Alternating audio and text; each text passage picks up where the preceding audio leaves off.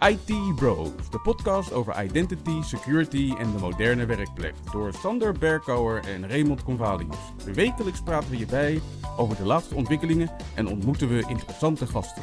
Volg onze podcast op Spotify of iTunes en stel je vragen op Twitter, ITBrosNL. Ik ben Raymond Convalius. En mijn naam is Sander Berkhouwer. Welkom bij aflevering 42 van seizoen 3 van de IT Bros podcast. Het antwoord op alles, iedereen en het leven, maar dan half vanuit Seattle, geloof ik.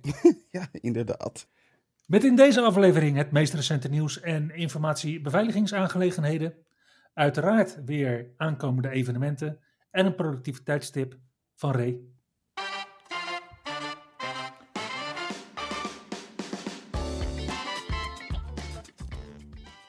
Hey Ray, deze week is een week van feest.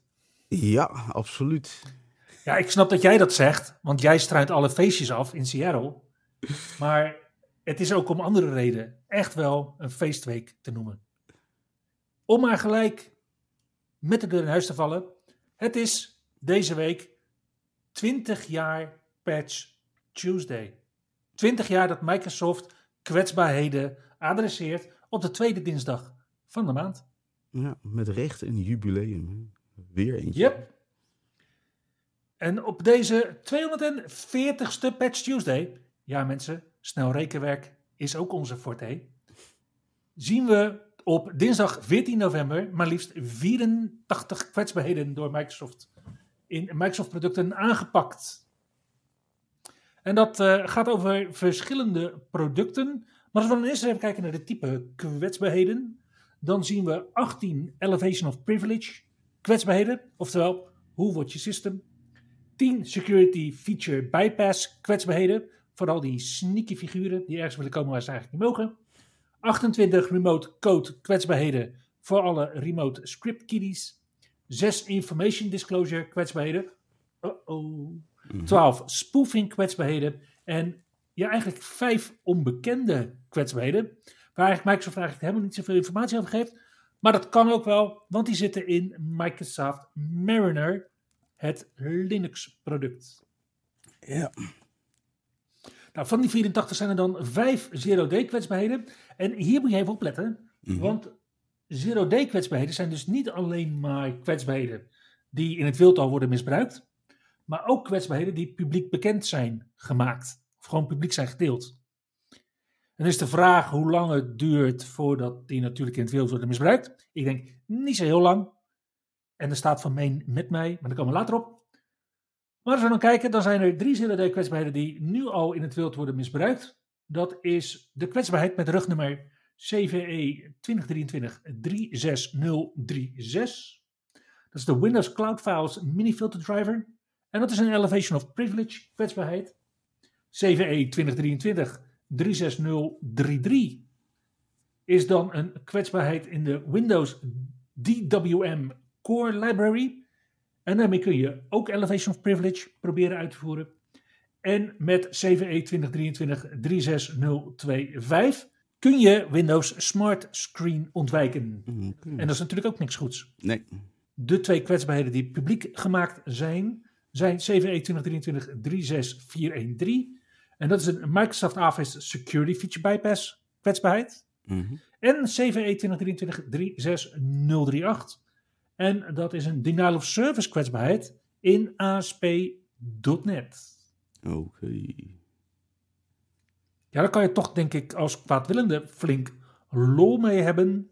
Dus het advies is uiteraard: patch die handel.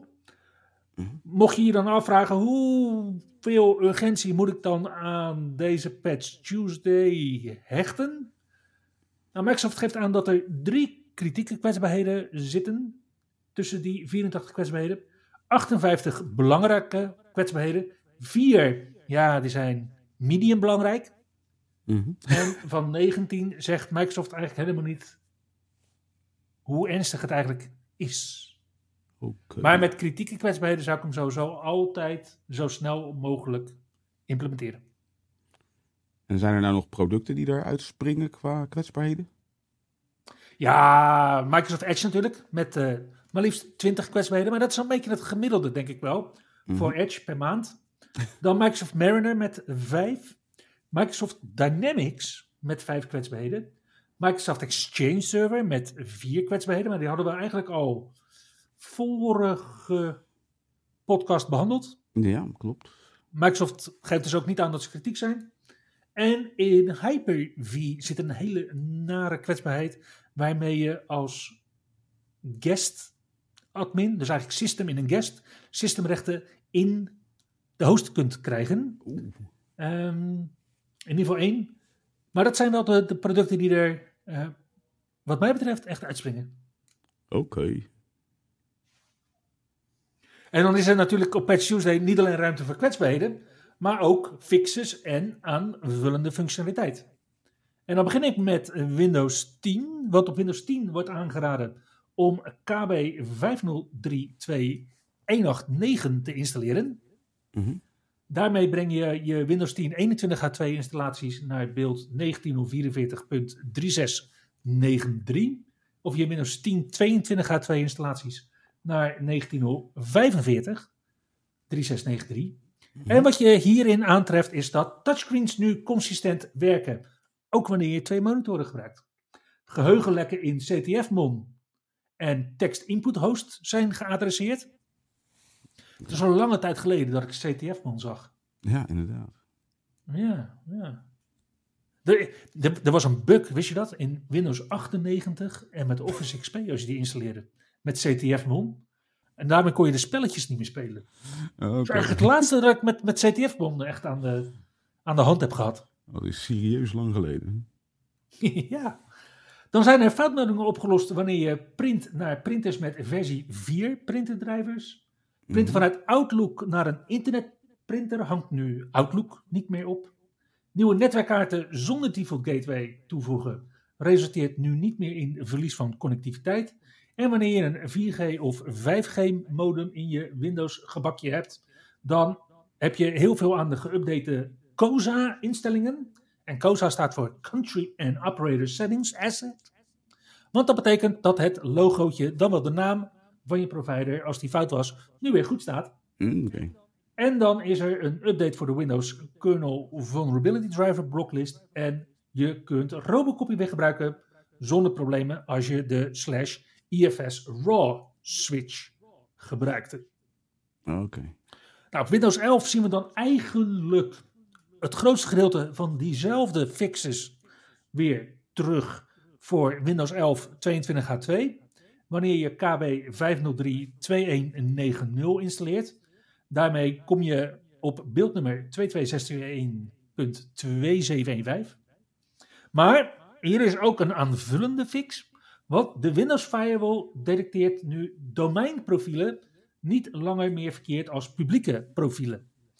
Oftewel, vanuit de release notes voor deze update, waarin Microsoft zelf al zegt: This is wrong.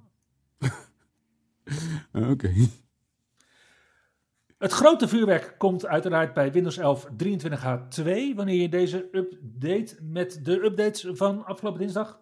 Mhm. Dan krijg je namelijk beeld 22.631.2715 en dit is het magische beeldnummer waarvanaf iedereen de Moment 4 features krijgt. Yes. Dan kan je je afvragen, hebben wij dat als IT-bros nou niet al genoeg over gehad? Hebben we die weg nou niet al genoeg geplaveid, geasfalteerd en doodgebeukt? Ik vind van niet. Oké. Dus hier komt de lijst. Nog één keer mensen. In de Moment 4 update krijgen we de beschikking over Copilot. Windows Copilot. En die kun je starten met de Copilot knop op de startbalk. Of met de Windows toets in combinatie met C. Je raadt het niet. Dan zijn er verbeterde volumeinstellingen met per app instellingen. Mhm. Hiervoor heeft Raymond in het verleden nog wel eens een add-on voor geadviseerd in een productiviteitstip. Maar dat is niet meer nodig. Je kunt nu in de startbalk Never Combine gebruiken voor je startbalk-iconen en geopende applicaties. Je kunt de tijd en datum in diezelfde startbalk nu uitschakelen.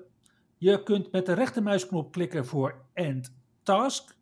Tenminste, als je jezelf betitelt als developer. Maar weet je wat, Ray? Ik uh, laat die aan jou. Die is voor straks. Ja, die is voor straks. Ja. Oké. Oké. Je kunt nu .tar, .tgz, .rar en .7z bestanden openen in Windows, zonder dat je mhm. daarvoor WinRAR hoeft te... Ja, kopen doen we geloof ik niet hè, met WinRAR. Dat is geloof ik de meme. Ja. Ja, zonder dat je WinRAR of 7zip hoeft te installeren. Dat kan Windows nu zelf, tenzij je die bestanden hebt voorzien van een wachtwoord. Je kunt rechtstreeks delen in Outlook vanuit Windows Share. Je krijgt de Windows Backup app. Je krijgt nieuwere en mooiere emoji, dus ook mijn dochter zal gaan updaten. En je krijgt nieuwe narrator stemmen voor het Chinees, Japans, Koreaans, Portugees, Spaans, Engels in het Verenigd Koninkrijk en in India, Frans en Duits. Daarnaast, en ik denk dat dit nog wel, in ieder geval voor mij, de grootste toegevoegde waarde biedt, mhm. dat zijn de passkeys die we nu kunnen hebben op Windows. Ja. Daarnaast is er verbeterde phishingbescherming in Defender Smart Screen. Kun je als beheerder de Enable Passwordless Experience policy aanzetten. Kun je gebruik maken van de Dev Drive, als je dat zou willen. En krijgt iedereen Windows 365 Switch voor zijn snuffert. Geen Windows Server 2022? Ja, natuurlijk waren er ook Windows Server 22 nieuwe dingen. En ja, eigenlijk zie je daar dan dus die update voor de Windows kernel Vulnerable Driver Blocklist terug. Ah, ja. En voor iedereen die gebruik maakt van VMware ESXi, kun je nu je Windows Server 2022 gebaseerde virtual machines weer gewoon starten. Ook wel zo prettig. ja, is handiger dan dat ze een blauw scherm tonen. Ja. Inderdaad. Nou ja, ook in de week van Ignite bleven de Windows Insiders niet helemaal stilzitten. Er kwamen twee nieuwe builds uit.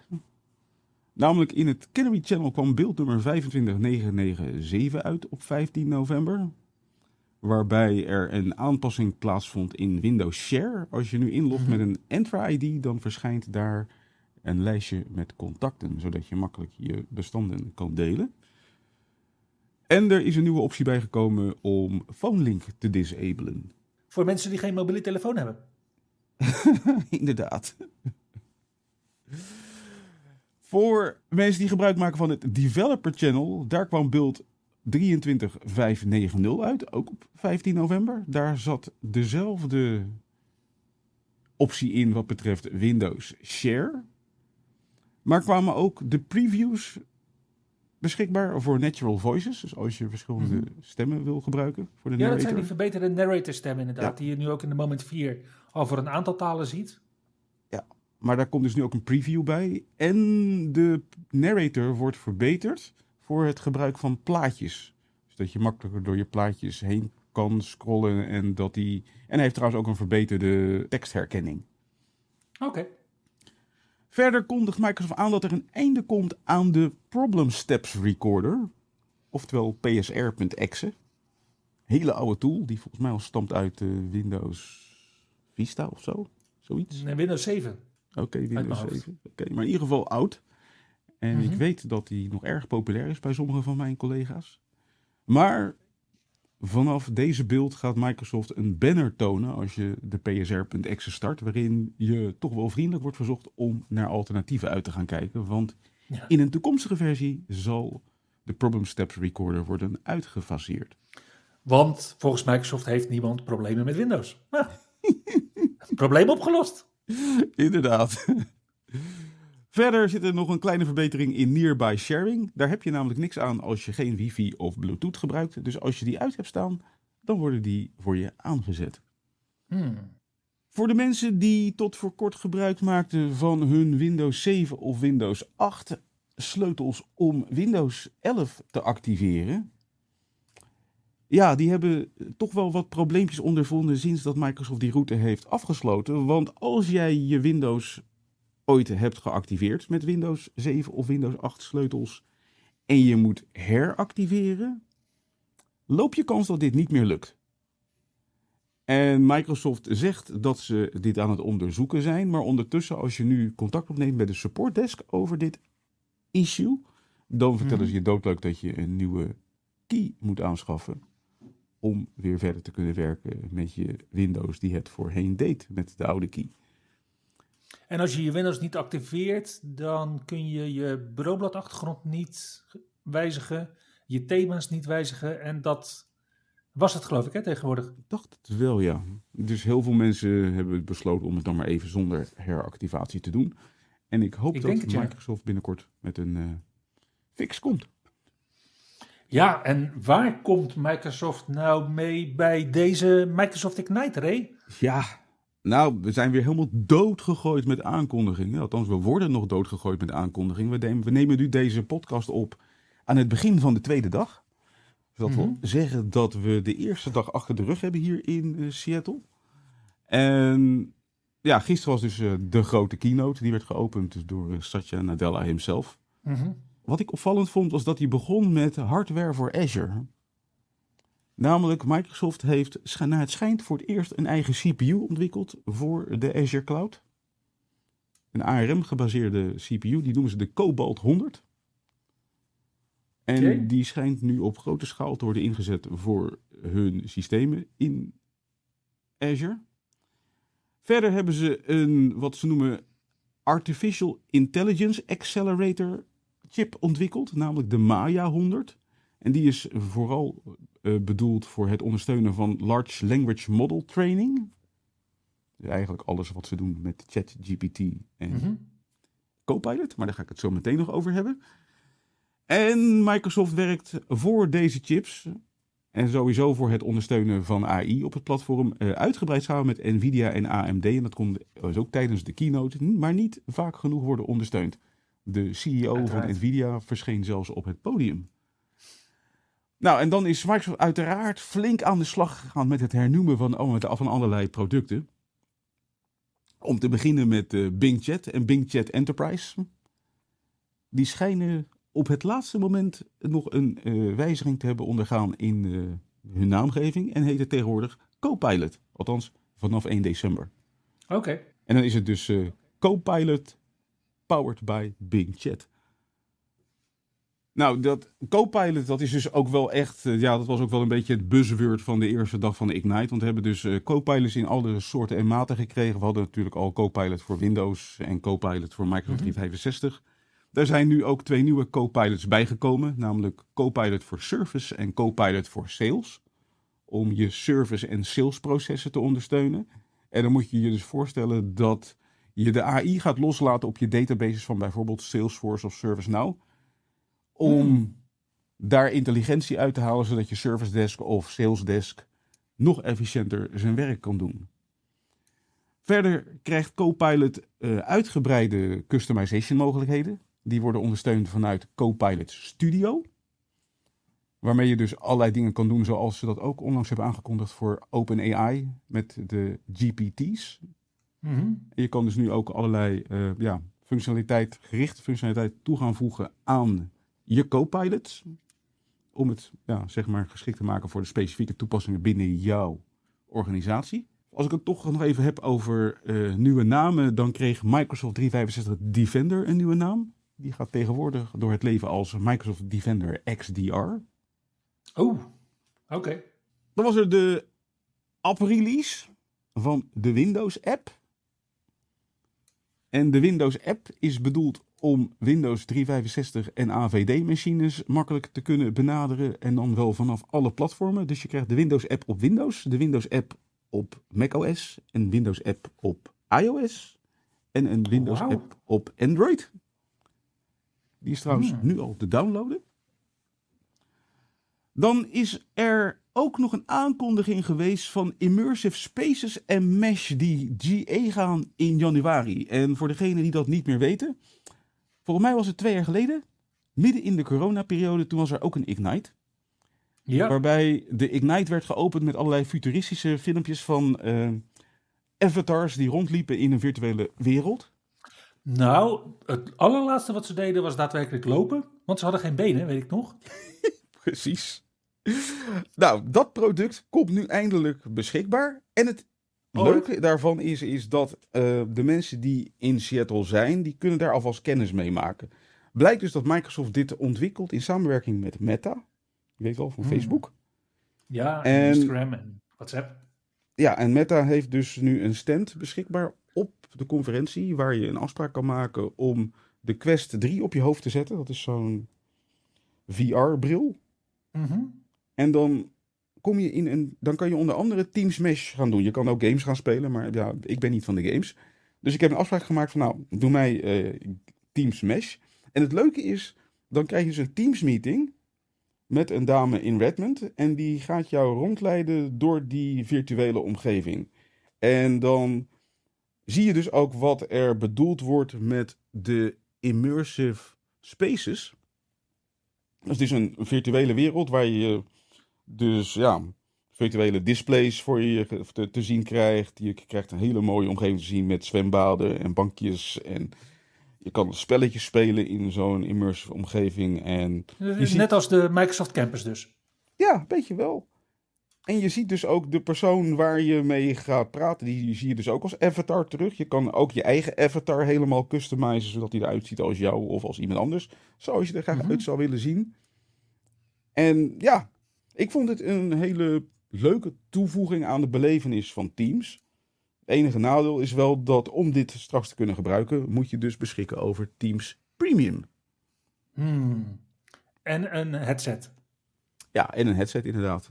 Nou, het is wel leuk, want in die headsets heb je dus ook eh, sp- spatial audio. En dan kan je dus eh, horen waar die persoon staat die met je praat en zo. En je kan degene die meedoen in jouw eh, meeting op een bepaalde plek neerzetten. En ja, ik kan, kan echt wel eens aan doen, ergens mee doen. Wat, ik, wat me trouwens wel opviel, is dat als je gaat, zeg maar, virtueel gaat lopen, Mhm. dan ja, je word je echt onmiddellijk duizelig met zo'n bril op je hoofd. ja, ik kan me helemaal voorstellen, ja. Rond, ronddraaien, dat gaat prima. Maar wanneer je vooruit of achteruit gaat, dan, eh, ja, dan was het toch wel eventjes een, eh, een evenwichtsoefening. Dus het beste doe je dat gewoon eh, in je bed. Misschien wel, geen idee. Maar Hmm. het was in ieder geval wel erg leuk om een keertje mee te maken. Nou, verder zijn ook allerlei nieuwe functionaliteiten voor Teams aangekondigd, zoals eh, voice isolation. Dus om ervoor te zorgen dat de achtergrondgeluiden minder goed doorkomen. Dat je je achtergrond kan decoreren, decoreren, dat is ook wel erg leuk. Dus stel dat jij jouw Teams meeting thuis doet op je kantoor, maar je wil geen virtuele achtergrond gebruiken, dan kan je dus in de echte achtergrond allerlei dingen gaan doen, zoals bijvoorbeeld je bureau opruimen en zo. Om te zorgen dat het er een beetje netjes uitziet. Oh, ik, ik dacht, ik, je gaat nu slingers ophangen zeggen, dat soort dingen, maar echt je bureau opruimen ook. Ja, dat kan ook. Nice. ja. Je houdt hem lekker productief. Ja, precies. Nou, verder is de nieuwe Teams interface voor de web is GA voor Chrome en Edge gebruikers. Mhm. Er zijn nieuwe keyboard shortcuts beschikbaar voor Teams. Dat betekent dat de mensen die de nieuwe Teams gebruiken en bijvoorbeeld gebruik maken van een Elgato Stream Deck, nu ook weer hun El- Elgato Stream Deck helemaal operationeel kunnen maken in Teams, omdat nu overal Nice. keyboard shortcuts voor beschikbaar zijn. En er is nu autopilot ondersteuning voor het deployen van Teams Rooms Systems. Je wou bijna co-pilot zeggen. Nee, maar dit is de autopilot nog. Die, die kennen we al. Inderdaad, ik was even, even Je was even de draad kwijt. Even... Maar ik moet zeggen, ik was niet de eerste hier op Ignite die tegen die spraakverwarring opliep. maar dat zal vast niet alles zijn geweest op Nee. die eerste dag van Ignite. Nee, dat was absoluut niet alle nieuws. Eh, Ik zei al, we werden echt eh, ja, voorzien aan een stortvloed aan nieuwsberichten. Zo is eh, Clipchamp is nu GA voor de abonnees van Microsoft 365 E3 en E5. Of de Business of Business Premium abonnementen voor Microsoft 365. Er komt in december trouwens ook een Clipchamp Premium Preview uit. Met onder andere 4K video-ondersteuning. Want stel je voor dat we iets met 8K al kunnen. Ja? Precies. Dan is er ook nog nieuws wat betreft de designer. Die, dat is eh, dat, ja, ook een stukje AI waarmee je ja, aankondigingen kan, kan maken, zeg maar. Eh, plaatjes met bijbehorende ja, teksten en alles erop en eraan. En dat Mhm. komt nu beschikbaar voor Microsoft 365 E3 en E5 eh, licenties en voor de Business en Business Premium abonnees. En er komt integratie aan vanuit Designer voor Word, PowerPoint, Teams en Whiteboard. En die wordt verwacht voor het einde van dit jaar. Oké, en heeft dan Microsoft nog aangegeven of dat dan dit kalenderjaar is of het fiscale jaar? Want dat scheelt natuurlijk nog een half jaar. Het is het einde van dit kalenderjaar. Dus het redelijk. Oké. Ja, redelijk vlot dan. Dan is er nog de general availability van Microsoft Loop voor iOS en Android. Voor zowel personal als business accounts. Mhm. En ik weet niet zeker of dit een aankondiging was van Ignite. Maar als je de Microsoft Store gebruikt, kan je tegenwoordig kiezen waar je je applicaties installeert. Alright.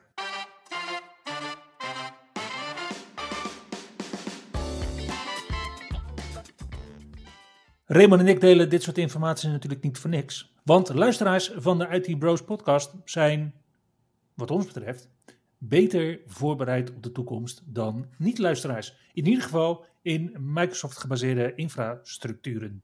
Dat betekent helaas ook dat betekent ook dat we proberen om je op de hoogte te brengen van informatiebeveiligings-issues op het moment dat wij ze ook zien. En wij zagen deze week een nieuw lek in Intel-processoren. Dit lek heeft als rugnummer CVE 2023 23583 en Intel geeft er zelf de Intel SA 00950 aan als rugnummer. En dat is een bug in de Fast Short Repeat Move functie, die sinds, die sinds 2019 in Intel CPU's zit. Hm. En deze bug kan leiden tot crashes. Nou, dat kunnen aanvallers dan dus gebruiken voor denial of service. Maar het is ook mogelijk om diezelfde bug te gebruiken voor privilege escalation. Ei. En daarom heeft Intel een, een CVSS versie 3.1 nog score gegeven van 8.8. En dat is ook de reden waarom VMware nu al aangeeft aan haar klanten. Beste klanten, als jij deze processor hebt, zorg er dan dat je op zoek gaat naar firmware updates die deze bug adresseren. Mhm. Want dat gaat je in de toekomst mogelijk een hoop ellende besparen. En tja, die ellende, daar kan de staat Maine in de Verenigde Staten over meepraten. Zij waarschuwen nu om alert te zijn op identiteitsdiefstal na een succesvolle cyberaanval op hun MoveIt server. Ja. MoveIt is een pakket van Progress Software en Maine werd op 31 mei op de hoogte gesteld van deze kwetsbaarheid. Maar helaas, kwaadwillenden hadden zich de dagen ervoor al toegang verschaft tot de MoveIt server van de staat, waarmee verschillende staatsoverheidsorganisaties informatie uitwisselen met de staat Maine. Hm. Nou, de cybercriminelen waren niet achter de staat aan en geven aan dat ze de gegevens van staatsorganisaties hebben verwijderd. Maar ja, de staat Maine zegt dus wel van er kunnen mogelijk gegevens van alle 1,3 miljoen inwoners gelekt zijn. En het gaat om naam en nou ja, de Amerikaanse BSN dan de SSN, geboortedata, paspoort, rijbewijsnummers, belastinggegevens, verzekeringsgegevens en mogelijk ook gezondheidsgegevens. Tja, als ze alleen maar hadden geluisterd, hadden ze misschien op tijd geweest. Het was echt een kwestie van drie dagen. Ja, inderdaad. Nou ja, van de week kwam er ook een vervelend bericht in het nieuws over de firma Tunstal. Ja, dichter bij huis. En Tunstal levert alarmknoppen voor ouderen, ernstig zieken en andere hulpbehoevenden. En hun systeem ging van de week volledig plat. Waardoor er geen meldingen meer binnenkwamen bij de meldkamer als gebruikers op hun knop drukten. En al hun systemen bleken onbereikbaar te zijn door een cyberaanval. Wat mij nog het meest zorgen maakte, want ik heb die publicatie inderdaad ook gelezen, is dat er waarschijnlijk ook toegang tot gegevens is geweest. Ja.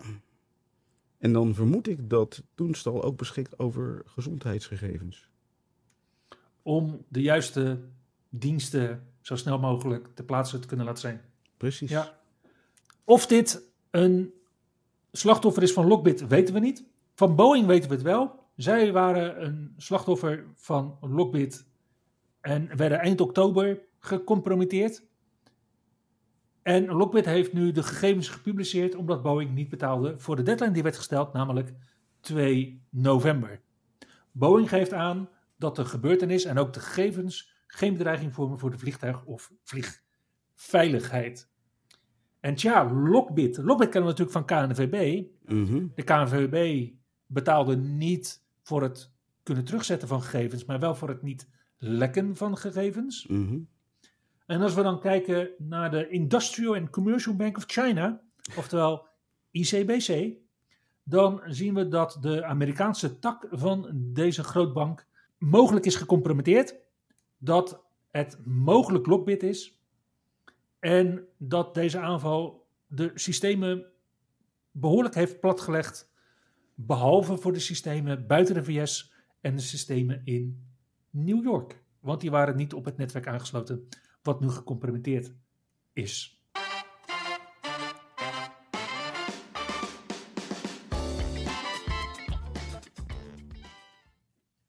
Waar is dat feestje? Hier in Seattle. Ja, maar ook hier in Nederland. Het is namelijk zo dat er een nieuwe Microsoft Community is geboren deze week. Jawel, gewoon tijdens de week van Ignite. Het bestaat.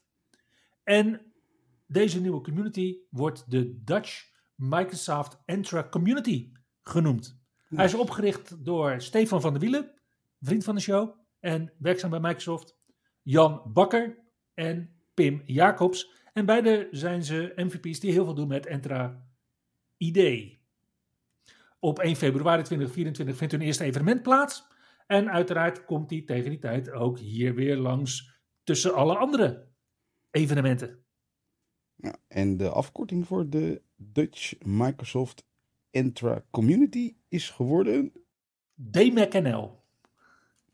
Ja, DMACNL is de korte naam. Heel goed. Uiteraard zijn er komende week ook weer evenementen te vermelden. Namelijk op woensdag 22 november organiseert Inspark van 10 tot 11 uur 's ochtends een webinar om na te praten over de Microsoft Ignite conferentie. En als je dus in één keer compleet wordt bijgepraat na deze podcast, dan kan je ook nog een uurtje luisteren naar de heren en dames van Inspark. Heb je daar niet genoeg aan, dan kun je op woensdagavond 22 november ook nog aansluiten bij de Dutch Information Workers User Group, de DIWUG. En zij organiseren hun november meetup. En tijdens deze meetup kun je uiteraard genieten van een hapje en een drankje tijdens de inloop. Is er uiteraard een welkom en een introductie van de locatie.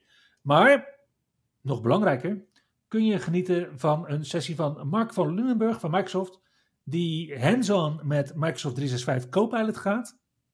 En de tweede sessie door Janneke Spiekerman van Extern Development. En zij verschaft verfrissende inzichten waarom een hoge Microsoft 365 adoptiescore niet het doel mag zijn. Uiteraard is daarna nog de mogelijkheid om het een en ander over een borreltje te bespreken.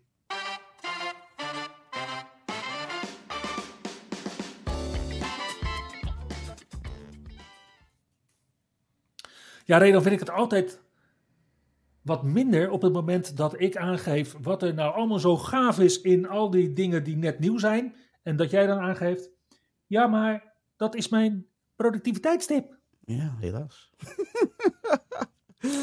Ja, ja, Nou ja, zo spelen we het spel dan maar, denk ik. Inderdaad, zo spelen we het spel. Want de productiviteitstip van deze week was een tip van Jen Gentleman. Alweer van enige tijd geleden. Maar die is beschikbaar gekomen met de laatste update van Windows 11. Die waarschijnlijk voor heel veel mensen afgelopen week op hun machine is geland.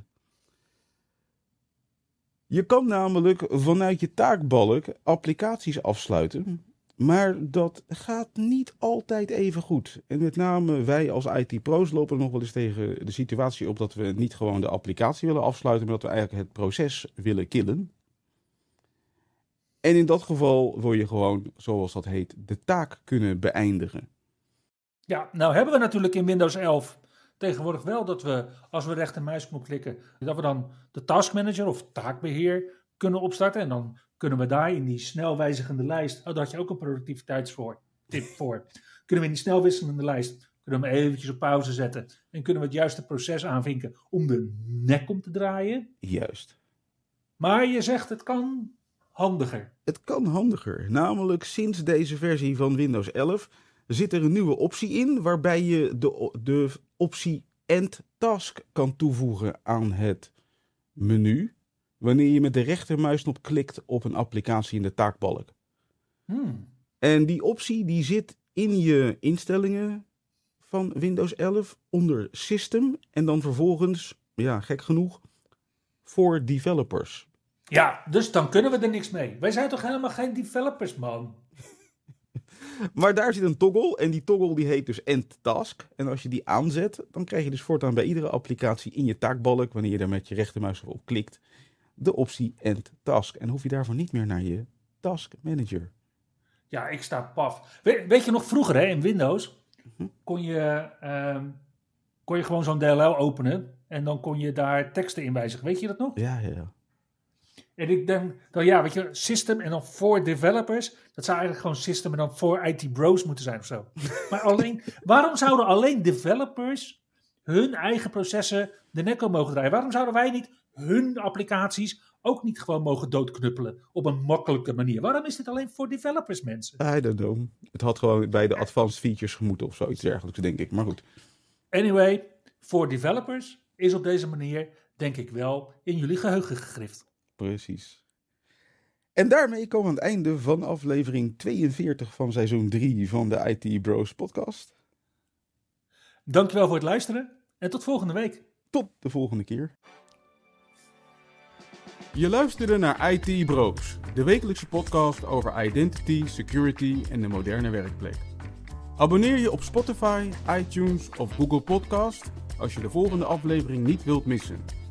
Heb je hints of tips? Laat dan van je horen op Twitter. @itbrosnl